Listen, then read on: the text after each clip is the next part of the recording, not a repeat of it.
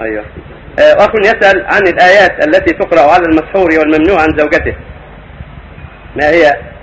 ذكر كلام العلم أن من أسباب العافية للمسحور والذي حبس عن زوجته أن يقرأ آيات ثلاث الآيات التي في سورة في سورة يونس في سورة الأعراف ويونس وطه المتعلقة بالسحر يقرأها ويقول بها على المسحور وعلى من محبوس عن زوجته مع آية الكرسي ومع قل يا أيها الكافرون وقل هو الله احد وقل اعوذ برب الفلق وقل اعوذ برب الناس هذه يقراها على المريض أو فيما ويخبره المريض ويغتسل به ويشفى باذن الله وان جعل معها سبع ورقه سدر دقها وجعلها في الماء وقرأ في ذلك أيضا ينفع هذا وهذا يقرا المريض أو في ماء يقرا فيه ايات السحر في سوره الاعراف وفي سوره يونس وفي سوره طه ويقرا معها إيه الكرسي يقول يا ايها الكافرون والله الله الله الكريم ثم يخرج منها المسحور والمحبوس عن زوجته ويتوش بها بالباقي هذا ينفع بين الله كثيرا وكذلك إذا قرئ على المريض نفسه بهذه الايات ينفعه كثيرا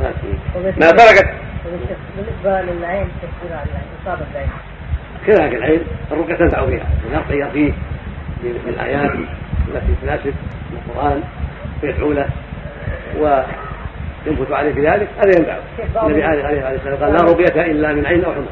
وإذا عرف عرف العاين يامره أن يغسل وجهه ويتمضمض اطرافه في ماء في إناء ثم يغتسل بهذا الإناء يغسل بهذا الماء ويزول تزول العين بإذن الله. إذا كان معروف النار العاين. إذا كان يأبي يا شيخ نعم. كنا يعني شحناء وعداوة إذا عرف يتوسل إليه الطريق الطيب لا الناس الطيبين وقال هذا ما يضر الطعم باختياره هذا أمر الله.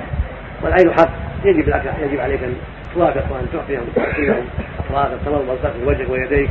تعطيهم هذا ينفع بإذن الله. وش يضره ويجوز للحاكم أن يلزم ولي الامر يلزم بذلك إذا عرف. طيب ما حكم من يقرأ على المجنون ويدعي بأنهم يكلمون الجن ويطلعهم من الشخص؟ هذا واقع هذا واقع. هل هذا عندنا واحد يقرأ ويطلع يكلمهم يكلمون عليهم. قد يخرج بإذن الله إذا كان جيد وإيمان. قد يخرج الجن في قد يضربهم أيضا. أيوه يضرب بالعام إذا كان معروفا بهذا يقولون دينا من كذا معروف بالسحر ولا غيره انما هو القران المؤمن يقرأ عليهم ولا يقرأ المجنون لا نعم.